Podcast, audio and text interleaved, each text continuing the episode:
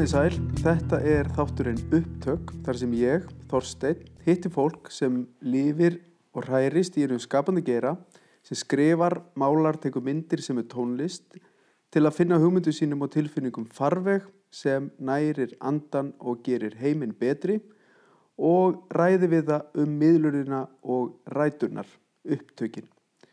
Og þetta viðtal er kannski tekið 14 árum of seint en hjá mér situr Andri Snær Magnason Ríthöndur sem skrifaði bókina Love Star sem kom út árið 2002. Sæl. Blessaður. Uh, þegar við hittumst í Kaupmannahöfn ykkur tíman í vor eða sumar Já, á Londromat þar sem, þar sem Íslendingar rátta sig saman ég veit. þá fannst mér svo magnað þegar við fórum að tala um Lofstar þá hérna, fannst mér svo áhugavert að heyra svona hvernig hugmyndin að bókinni var til hvernig þú einhvern veginn svona að því að ég líti á þessa bók núna 14 ári síðar sem bara nánast samtímasögu sko, maður er að lesa, maður tengi við allt í nútímanum. Og mér var svo magnað hvernig þú sást það einhvern veginn fyrir 2002 áður en iPhone 1 kom út og áður en þessi bóla var svona stór. Og við langaði bara svona að spyrja þig hvernig hvernig hugsaður þetta, hvernig sástu þetta fyrir? Hva, hver eru svona, hver er það fyrsta skrefið Allra fyrsta skrefið, ég á eitthvað draug að sögunni bara frá 97 og þá var þetta eitthvað svona skrítin söða af heimi, kannski var hann nær Douglas Adams eða eitthvað þá Mhm. sko, en þá var það, hugmyndin var að allar hugmyndir væri búnar í heiminum. Það væri bara búið að komast að öllu. Að síðasta lægið hefði verið samið og það væri bara hreinlega, heimurinn væri bara læstur, það væri bara búið að komast að öllu. Og svo fá Indri og Sigriður hugmynd og, og riðla heiminum. Þeim, þeim, þetta er í huga þannig að ræna kassa með fósturvísum og öllum íslensku dýránum og flýja upp, í- upp á hálendi með, með þennan kassa og, og það bara að þingin hafi fengið hugmynd þá bara hann varð bara að framkvæma þetta. Og þetta var svona fyrsta, fyrsta hugmyndin og, og einhverjar pælingar þarna en síðan þróast þetta. Áhrifavaldar að sögunni eru er svona það sem ég var að lesa þessum tíma var Bulgakov, mm Calvin og ævintýri þjóðsögur Jónas Hallgrímsson og síðan bara samtíminn svona einhvern veginn sem var að rúlla var að koma inn. Ég meina hvernig er Google stofnað? Google stofnað kannski 97 hefur Google ekki alltaf verið? Finnst það einhvern 97. og, og þarna er og síðan þróast hún og það er ekki fyrir kannski 2000 sem ég fer á alvöru að skrifa hana. Og það er þá upp úr svona .com bólinni mm -hmm. Og þá er þessi heimur að opnast þessi hugmyndum sítengingu um að vera alltaf með aðgangað upplýsingum eða alltaf vera með aðgangað að fólki og þá svona byrjar hann að þróast einhvern veginn í hausnum á mér að, að þessi þetta fyrirtæki þessi hugmyndum hugmyndir Mhm. hvernig maður er ábyrjulegs gagvart hugmyndum og já, ég get, ef ég byrja alveg á byrjuninni þá var ég búið með bláan höttin þegar ég skrifa hana. Og hafði eitthvað óbúslega þörf til þess að finna aðra leiði til að segja sögu. Að, að svona þessi línulega eða þessi svona hefðbundna saga Mhm. fór í töðunar mér. Og personur fór í töðunar mér setningar fór í töðunar mér ég þóldi ekki bara svona setningar og, og bara allt þetta banalitet sem er bara í sögu. Þessi upphaf miði endir persóna, drama þetta fór allt einhvern veginn og ég hugsaði, er ekkert að skrifa sögu sem kemst út úr þessu? Og ég var með einhverja og ég eitt alveg dágóðum tíma að finna leið og ég, ég skrifaði einhverja svona tíu texta. Ég reyndar ekki fundið þá aftur en ég skrifaði einhverja tíu texta sem voru nokkuð inspiraðir af Brátikan svona bókum eins og Vassmerlunni sigur og, og þetta var eitthvað svona heimur eða ekki einu svona heimur þetta var bara einhver textar sem byrjuðu kannski bara hunang morgunsólin hellir hunangi yfir þau svo að og þá endaði setningin bara svo að og svo bara byrjaði næsta setning bara hún. Varst í uppreist? ég var einhverju uppreist og ég, ég ná- náði að semja kannski tíu svona texta sem mér fannst nokkuð cool sem voru einhvern veginn án þess að það veri almennleg setningaskipan án þess að veri upp að mig endur en það var eitthvað tilfinning. En, en svo varði ég eiginlega að játa mig sigraðan gagvart því. Og síðan þróast lofstar í að verða svona að reyna þann þól hugmyndana þess að hversu margar hugmyndir getur saga borið án þess að falla í sundur? Ef við hugsum um áfengi í drikk þá er vennilega skálsa oft svona eins og bjór svona 5,5% og svo restin er bara personur og, akkurat. en við langar alltaf að búið bók sem væri svona meira svo strórom sko, svona 70% svona sem er va- varlægt að innbyrða Út í kaffi er svolítið í kaffi. eða svona eins og tequila sko. Já, og þannig að hún er alveg bara algjörlega hlaðin af stútfull af hugmyndum hún er algjörlega stúdfellum og, og vísunum einmitt. og og hver eins og setning. Þannig að eðlism að sé textans er mjög hár. Var hún þá tvöfalt, þrefalt lengri í fyrstu, fyrstu uppkasti eða og þurftur þú svona bara að slípa hana? Í- svo slípa hana niður. Ég þarf til að, að taka hugmyndir í burtu. Já. til þess að allar hugmyndirnar geta gengið upp innan sögunar þannig að, Mm þannig að væri raunhæft að Lofstar væri með Love Death og væri með allar þessar uppfinningar innan, sinna, innan síns ramma sko. -hmm. þannig að og það, og það var megnið af tímanum fór ég eiginlega að hugsa sér gegnum það þar til að fór að make a sense að hann hefði í rauninni rampað á þetta allt saman Mhm. og hann væri í rauninni sem bara svo manneski sem rampað á þetta væri alveg varnalaus og ábyrðalaus skakvert því að hafa rampað á þetta einhver hluti rampað á þetta og bara vegna þess að hann rampað á þetta þá varð hann það sem hann er. Það var ekki hans vilji sem bjóða til sko. Einmitt. þetta var allt saman bara til. Þannig að hugmyndin er annars vegar bara svona eðli hugmyndina og framþróunur í heiminum að allt mun koma fram. Bara við opnum eitthvað og, og það bara kemur fram. Og einhver annar tekur við því og einhver annar Mhm. fæðist og ábyrð að leysa okkur gagvart þessari þróun og hins vegar líka gagvart hugmyndafræðinu sem við búum í að hlutir ekki vera bannaðir eða, eða, eða Mhm. settir í reglur og, og þá gagvart síðan þessari gjörnýtingu þar sé að, að þetta er eins og ykkur svona þetta er eins og ykkur vökvi sem fyllir upp í all, allt það Að rúm besta allt, það er einmitt það sem þú talar ja, um. besta allt sko. Þannig hugsa er þetta svona, hér erum við með þessa hugmynd, hvernig getur svona kyrt hann alveg í þrótt, bara eins langt og ekki, hversu langt kemst ég með hana? Já, þannig, þannig að öll, allar hugmyndir er einhvern veginn dæmdar til að fara alla leið sko. Mm -hmm. og þannig að ég man að það voru einhverju einhver sem að fengu nýsköpunarverlun vegna þess að og hugmyndin var auglýsingar á á á þarna nestisbox fyrir skólaböll og, og þá var þessi umrætt alltaf mikið sko það sem að auglýsingar voru að þrýsta sér allstaðar inn í á öll, öll svona rými Er þetta upp, það, það leiti svo út að skrifa? um það litið sem ég Já. skrifa þetta þá var þá hafði ég lesið úlingabækur þar sem að einhverjist ungi strákar hefði skrifa úlingabók og hver einstu blaðsíðu fenguðu sér marútflögur Svona product Já, placement? þeir voru með product placement í, í, í bókinni sinni sko.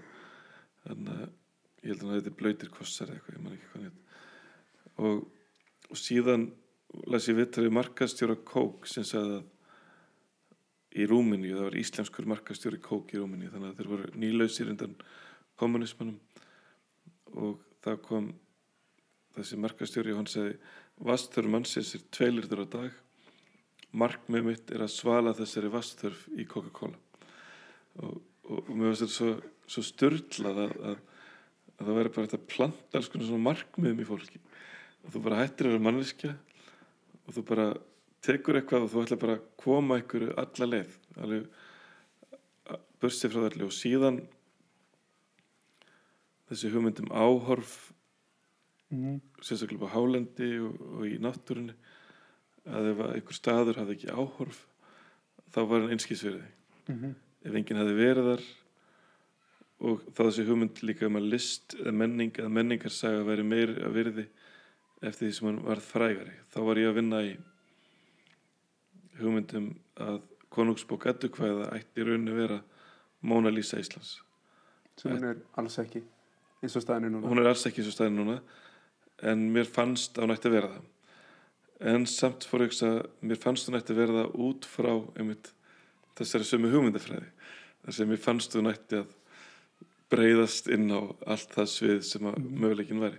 Og þá fór ég að hugsa um dystopíuna í þessu. Að maður færi um bæinn og það væri bara eddubúðir alls þar reyndar urðu síðan lundabúðir lengur síðan og þá fór ég að hugsa um, um, um Jónas Hallgrímsson að ef okkur tekist að gera hann svona Mhm. ótrúlega frægan og hann er svona eitthvað svona monster Jónas Hallgrímssons monster á Íslandi sko. og, og þá var nýbyrjaður þessi svona þá var nýbyrjaður svona að taka Jónas Hallgrímsson daldið út úr 19. aldin og lifta honum herra Mhm. og ég fór að hugsa um Jónas Hallgrímsson sem monster og síðan þetta um leið og eitthvað mikilvægt að verður svona monster þá verður það í rauninni ekki lengur að sama það var. Það verður í rauninni að yfirborði og að lokum að merkingarleysu. Og þá einmitt hver er tilgangur með því að Mhm. lifta einhverju í þessar hæðir? Eins og lundin eins og lundin, lundin, lundin er sjálfur degja út en er að verða monster það er eins og sé eitthvað svona samræmi en, en allavega þá þá langaðum við bara að rannsaka þetta eðli hugmyndina ábyrð mannsins gagvart hugmyndinni. Og síðan einhvers konar ádeila í þessu eða rannsókn reynlega á hvert við varum að fara. Mhm. og það verður alveg komið í ljós og við vorum að fara í sátt með Facebook og Twitter og, Mhm. og þarna eru, er fólk að tvíta í sögunni sko. Beina útsendingu af slistað og, og alls konar. Það er mjög eftirmyrileg sena í bókinu lestarslýsið lestarslýsið og, það sem fólk er eiginlega að tvíta frá þessu lestarslýsi sko Mhm. og, og það er bara einhver bein útsending og, og þetta er allt saman að koma og drónarnir eru, eru rétt að þróast yfir í að verða Mhm. við erum rétt komið Facebook Live þar sem við erum að akkurat þar sem við erum bara, fólk er núna farið að sína live frá Mhm. bílslýsum sko og, ga og galarar eru allt um náttúrulega en, en, ég en síðan er ég orðin mín eigin parodía af því ég er örgulega með þrjár Facebook síður. Já, Veist, það er mín persónlega síða það er Andris Nær síðan. Það er kostninga síðan mín. Og, og svo er það draumalega síðan og, og ég er að tvíta andresnær.is andrisnær.is andrisnær.com þannig ég verð svona sjö kanala og tvíti mitt og Instagrami mitt sko. og, veist, og ég er orðinn svona fjölmiðill á mörgum plönum. Og er að tvíta og, og, og posta hrósi um sjálf mig og, hana, og mínu, mínu skoðun. Og þannig ég og þannig ég er orðin parodi af sjálfum mér sko. Og þannig að og, og, og er orðin minn eigin galari og, og minn eigin laumuhísill líka þar sem að ég kannski er ekki beint að gala það en ég er svona, svona komaði að einhvað en þú ert meðvitaður um það. Hvað, Nei, ég er meðvitað um núna en, en yfirleitt er ég ómeðvitað já, já, já, ég skil. En er ekkert svona sem færið til þess að vilja bara stoppa, kúplað út úr því og svona Jú, stundum hugsa ég að ég ætti að stoppa og kúpla mútur en, en svo er ég bara svo háður þessu. Mm að það, ég brotna strax eftir vik og er aftur komin inn sko. -hmm.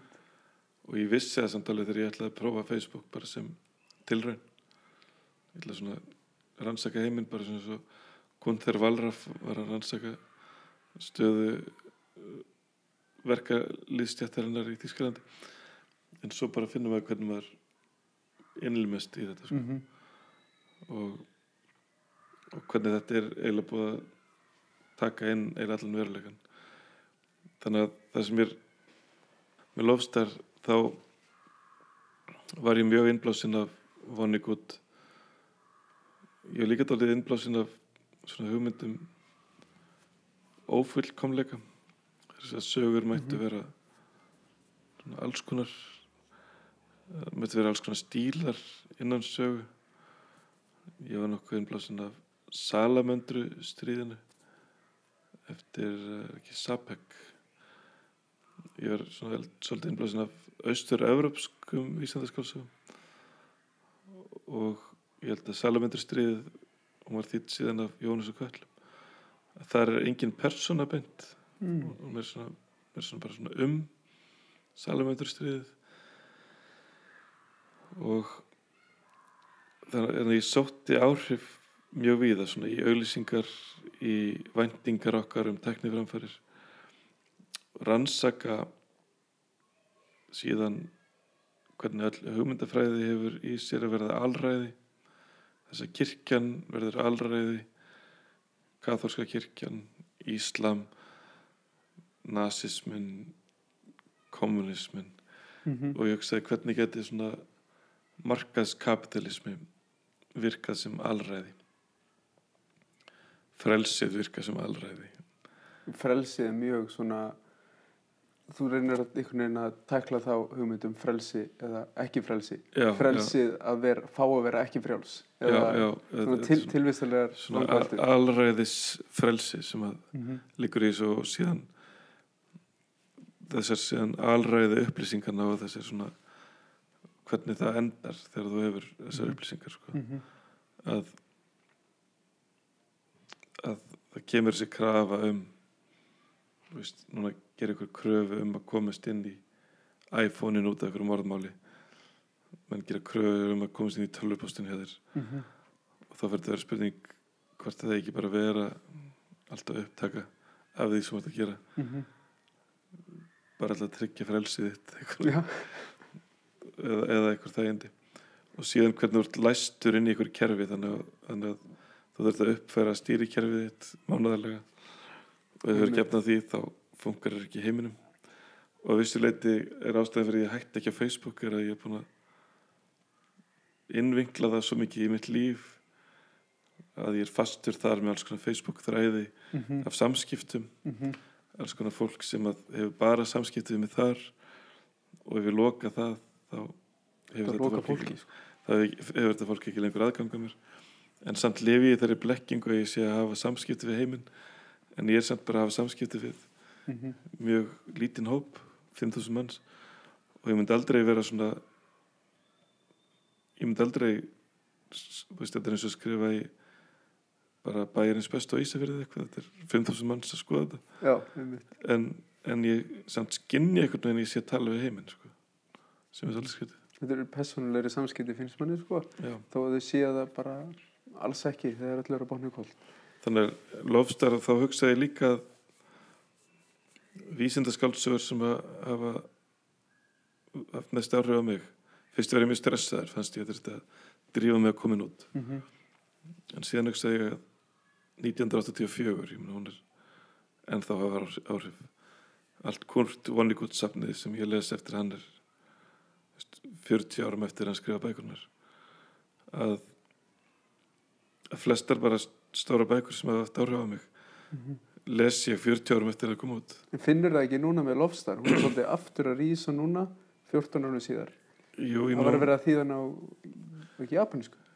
hún er komin út í Japan hún Já. er komin út í Tyrklandi hún er komin út í hérna Þannig hún virðist að vera komið svona setni bylgi Já, það er svo setni fylgja Já, hana já. sko og, og kannski er eitthvað svona þjættast í kringum hana svona, hún, hún er svona verða bara að einhver svona establishmenti Akkurat.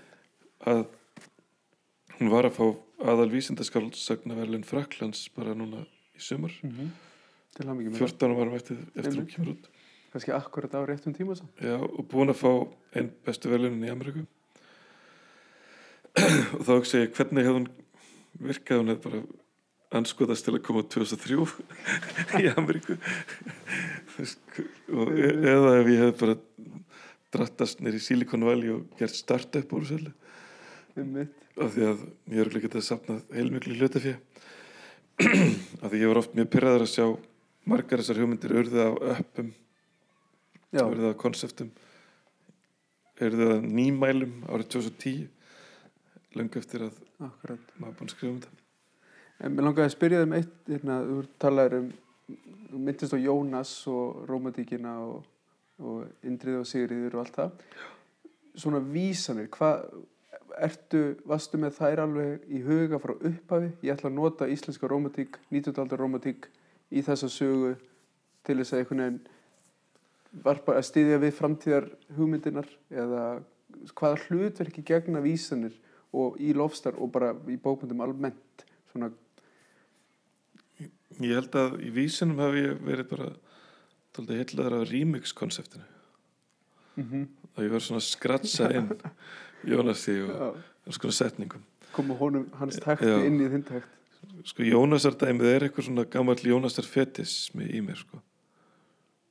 Að ég hef eða allar tíð verið, var alltaf að kljóst við Jónas, ég veit ekki af hverju. Og það var alveg í í, í bara ég veit ekki, án þess að vera svona svona hryllilega innblásinn en samt á einhvern nátt oft haft hann til liðsjónar hann skrifaði kunstmersjen svona list ævintýri og þá skrifaði ég blá nöttin mm -hmm. hann skrifaði um náttúrufræði. Í fyrstu ljóðbókinni eru Jónasar vísanir talsveit margar. Mhm. í Lofstar er hún síðan alveg druknuð í Jónasavísinum og líka til dæmis bara eins og bónusljóð sem er bara ein stór vísun einhvern veginn. Ég bónuslega náttúrulega stórvísin bara í þannig guðdómlega gleðleikin og, og ég hef alltaf notað vísanir mjög mikið og, og En hvað er svona fyrir í texta í, í, í ramma? Ég veit ekki alveg af hverju hvað áhrif heldur það hafi hvað, ég veist maður veitu þetta svona, býr til hugreiningatengsl þetta setur þetta í starra samingi og já, býr til svona samræður á milli ólíkara verka en hvað svona ef þessar vísanir væri til dæmis ekki í lofstar hvernig bók væri Sko, það? Var hún e, innantóm? e, ein svona grallarleg hugmynd með lofstar var að þegar fólk segir hraundrang þá myndi það hugsa um mig það myndi hugsa sko, ja, lofstar sko. Veist, að það var hana, þetta svona íkonoklast að þarna var sko ástarstjarni yfir hraundrang fólk hafði þá mynd. En núna hugsa fólk bara já, þarna bak við er þessi risastóri skemmtigarður. Og þetta var eitthvað svona það var eitthvað svona hugmyndum hvernig það getur hlammaðir á íkonin. Já, búið til eitthvað vörumerki sem fólk já, eða, eða bara haft áhrif bara búið til þetta eigið lag yfir veruleikan Mhm, og ég var ofta að hugsa hvernig Tómas Guðmundsson býr til fríkirkjuna. Mhm, ég var mjög svona að hugsa um hvernig bókmyndir tengja sín í veruleikan mhm. stundum nota ég vísanir eins og í bláu nettinu það er ekkert mjög mikið af jú það er eitthvað af vísinu þar en, en hún er svona örlítið hreitni þannig séð. En ég var alltaf hlaðið texta með annarkvort persónlegu vísinum dægurlega vísinum goð, goðfræðilegum vísinum eða bókmyndafræðilegum og það er bara einhver stöðningur í því það er, það er, það er hærri eðlismassi í vísinum Mhm. og ég held lengi vel að- að lofstar væri óþýðanleg út af því að hún var með svo háan eðlismassa ef maður klippir á hana 19. alltaf streng þá einhvern veginn finnst mann ekki sérst, ef lesandinn þekkir ekki það sem er á baku vísanir en hún virkar samt sko. greinilega. Já. og hún virkaði líka að það voru 17-18 ára strákar að ringi mig sem voru lesana og, segja bara hvað eiturlegu ertu að taka? Bara, þá var þetta fyrsta bókin sem þeir hafðu klárað. Því að þá var einhvern veginn áreitið í bókinni hendaði vel fyrir svona aðteglisprest það var alltaf nýjar hugmyndir sko. En hendaði verð fyrir svona 55 ára konur svo hún vanar mhm, að södra bjór Mhm. sko. mhm. svona 5% sögur sko. hún hendaði vel fyrir fólk sem var með langaði bara svona innbyrða mikið hugmyndum Mhm.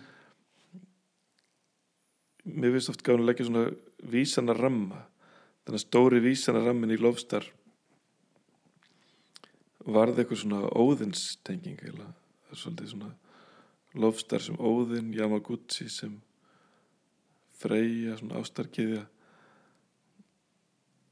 þannig að Love, Death, ringurinn er eiginlega miðgarsormurinn og síðan sleppur úlfurinn. Og að þetta að þetta já miðgarsormurinn hann, hann, hann sleppir halanum Mhm. fellur inn og úlfurinn sleppur á saman tíma. Þetta, það var það var eitthvað svona einhver hugmynd og, og í rauninni er þetta bara spurningum að njörfa sig finna einhverja festu þegar hugmyndirnar eru á svo miklu flugi og möguleikarnir, er, eru það óendanlegir í allar áttir að finna bara einhverja festu finna bara einhverja neglingu. Mhm. og það bæði til að hækka eðlismassan en líka bara til þess að finna sér einhvern ramma til þess að til þess að hreyfast inni. Bara búið smá girðingu í kringum flæðið þá er einmitt hérna langa að spyrja þig næst einmitt með svona miðlunar leiðina sem þú velur sagt eins og tökum sér dæmi bónusljóð er, er, er, er ljóð já, sem gerast þú veist í græmyndistild bónus meðal annars og, og svo er það hérna, Draumarlandi sem er sjálfsjálfabók Lágnötturinn í Badnabók, Lofstari vísindaskálsa er það alltaf augljóst frá upphafi eða hefði Draumarlandi geta orðið á ljóðabók eða vísindaskálsu eða hvernig svona hugsar um miðilinn þegar hugmyndin kveiknar hvað er, já. Ég geti verið mjög lengi að finna rétta miðlinn fyrir svona það sem hræðist mm -hmm. í mér. Og oft er þetta svona nokkuð konseptmiðað. Það eru það hafa verið mjög skýr í konseptum þessi verk það er segja draumalandið er doldið svona fjölnir alþýðubókin Mm -hmm. lærdómsritin samt hún er ekki hugsar, hugsar sig ekki sem hún er kallið sjálfsjálfabók en hún er samt ekki sett sem parodi á sjálfsjálfabækunar hún er meira sett inn í hérna, 19. aldar og 20. aldar skáldið ávarpar þjóð sína sko. mm -hmm. það er svona hugmyndin að, Mhm. að skáldið tekur bara stórt efni og ávarpar bara þannig að þetta er oflæti í þessu sko handa þjóð skilur, skáldið skrifar handa þjóð og þá var svo margt sem mér fannst vera að fara úrskeiðis Mm -hmm. svo margt að það væri líka þetta ávarpa það í í bara bladagrein það var eitthvað svona grundvallar veila í hvernig við skinnjum veruleikan og í, í sagt, og það var nánast þannig þessi veila var eiginlega þannig að það var eiginlega hægt að var eiginlega hægt að þarna, hakka okkur. Það bara hægt að hakka þjóðarsáluna það er að ef við höfum eitthvað svona vinnusýðferði eitthvað því að vera duglegur og vinna og höfum eitthvað svona hugmyndum að maður fá pening með því að nýta náttúruna Mhm. og vera duglegur að vinna og búið til svona stóra verksmiði að stór fyrirtæki út í heimi gáttu bara reynilega bara að hakka okkur. Sálfræðilega.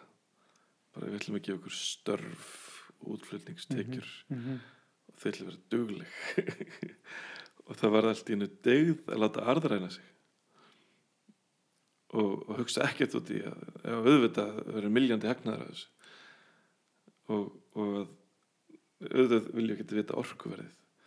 Og þannig að þannig að svona risa verksmiða þar sem að launakostnaður er raunverulega kannski innan við 5% af veldunni hjá fyrirtækinu. Algjörlega hverfandi. En orkuverð er kannski 20% Mhm. til 30% það skiptir bara öllu máli. Mhm. þá bara, já. En, en þá letum við plata okkur til þess að hugsa um þetta sem störf. Er unni eru störfin innan skekkjumarka? Í heildamyndin að því hvað þetta borga í skatta hvert verðmæti náttúrunar er og orkuveri þannig að, þannig að þá þurfti maður bara þá hugsa ég um þessi mál mjög mikið og mér fannst ekki geta komið þessum spurningum á framfæri í já, síðan gafkvært markaðsamfélagi þar sem að ímynd er allt í norðin raunveruleg verðmæti og, og hlutabriðaverð og væntingar og allt þetta að allt í norðin var þessi gamli heimur okkar dugnaðurinn Mhm. bara farin að verða okkur fjötur um fót og hugsanlega bara leið til ánöðar að bara við erum alltaf til að gefa eftir eitthvað því við viljum bara störf og því Mhm. starfið er svo heilagt að við látum menn bara haka okkur út af það og bara veila í, í varnarkerfinu okkar sko. og þetta gati ekki ávarpað einhvern veginn í bók ég hugsa alveg geti ekki skrifað svona sjálfstætt fólk eitthvað svona Mhm. geti gert eitthvað en, en það var orðið svo viðtækt og mikið og svo mikið upplýsingum sem þurfti að koma sér framfæri að ég varð bara ávarpa þetta bara beint bara svona er þetta Mhm. en samt þurfti líka að ávarpa þetta á það sérstakann hátt að ég þurfti að afkóða ég þurfti að búið nýtt tungumál? Til þess að geta yfirleitt að tala um þetta. Þannig að ég þurfti að skrifa svona dæmisögur eins og um píramíta Mhm. hversuna píramítarnir eru þrýr Mhm. vegna þess að ef þau hefur 40.000 manns að byggja píramíti í 40 ár þá hættur því ekkert allir þú verður að halda áfram. Því annars hefur bara upplust og, og atvinnleysi Mhm. þannig að ég þurfti að búa til alls konar myndkverfingar og dæmisögur áður en ég gæti talað að því grundvöldinu var svo djúft rámt hugsaður. Þannig að, þannig að ég hugsaði líka mér langar að gera svona ljóðabókina svona þorpið Jónur Vör. Mhm. en samt eins og Andy Warhol hefur skrifað hana þannig að það er bónusljóð. Mér langaði að skrifa klassísku barnabókina. Svona svona elsku mjöminn litli prinsinn og þá er það en samt auðvitað út frá djúpum tilfinningum sem ég hefði og þá er það blái nötturinn. Og ég hætti ekki að skrifa hana fyrir en ég bara var alveg viss um að hún að ég get ekki gert mikið meira. Lofstar, mér langar að skrifa vísindaskáldsöguna. Svona eins og bara hafði mest áhrif á mig. Mhm. og, og ég var í mikilli sorg í heilt ára eftir Lofstar af því að ég hugsaði, þú veist, hefði nátt að vera bara æfistarf hjá mér veist, hefði ég átt að gera eina skáldsögu úr hverju hugmynd Mhm. þú veist, var ég bara, var ég bara að vinda mig bara Ælaði bara öllum út. æli bara öll út og svo er ég bara búinn. Voru þetta, voru þetta allar hugmyndina mínar sem ég bara hendi út þarna. Og síðan síðan uh, draumalandið þú veist, sem er þetta. Þannig að þannig að það er svona svona mjög er einnig sá hluti af mínum ferli með svona konsept miðaður og síðan tímakistan fer kannski nærði að vera bara svona hefðbundnara æfintýri en samt út frá ákveðnu ákveðnu hugmynd. Og núna langar er ég að skrifa þessar smásögur sem eru svona sem eru minna konsept með þær. Mhm. það sem langar bara svona að setja út svona bara hreitni tilfinningar og kannski næstu eins og ég sé sanna að ég geti líka mála landslagsmynd eða Mhm. ég geti líka haft tilfinningar Ég er ekki bara svona höfundur, ég er já, líka já, svona já, ég get líka haft sko, fyrstu personu Mhm. frásögn úr veruleikanum Mhm. og það þurfi ekki alltaf að vera byggt á okkur svona rosalegri hugmynd sko. Og það eru smásögunur sem þú ert að vinna í já, núna og það er mjög erfitt sko. Mhm. það gengur rosalega illa að skrifa þetta það er rosalega lengi að, að vinna úr þessum tóni sko. þetta rennur ekki alveg svona Ég skil. Ekki alveg sjálf sko. Það er kannski erfitt að vera með skýra afmarkaða markvisa hugmynd um mann sjálfan. Já, já, þannig að, þannig að ég, ég er búin að skrifa ótal svona drög sem, að, sem passa ekki inn í. Þannig að þetta er að vera svona, svona, svona tippla á steinum svona gegnum ýmsar tilfinningar í mínu lífi. Svona að vera í Lapplandari eppa 1984 að lust, upp á hálendi að lusta útarsleikrit um kjarnorkustrið að vera í ástar tilfinningakreppu árið 98, svona 25 ára sjálfsvíg vinar 99 og já, svona bara einhver minningar úr árbænum settar saman svona þetta er svona já, þetta er svona prófa þennan tón sko. Mhm. En síðan er spurningin hvernig er ég að sleppa og hvernig er ég bara að gefa þetta út Mhm. og síðan kannski einhver kvíði af því að ég er náttúrulega búin að fá 40 miljónir og skrifa þessa bók í 10 ár hvernig svona Ég vil lesa um það í blöðunum. já, hvort hann sé 40 miljón krónar verið þessi bók sko. Herðu, Andrei, e, við getum náttúrulega að tala um þetta endalust og ég vil e, bara endilega fá kominga aftur einhvern tímann já, að tala þá um eitthvað, eitthvað annað verk, vonandi þessar smásögur, Já. hugsalega eitthvað annað. E, takk fyrir að bjóða mér inn á heimilið og gangi Takk vel að eh, skrifa smásögur. þakka þér fyrir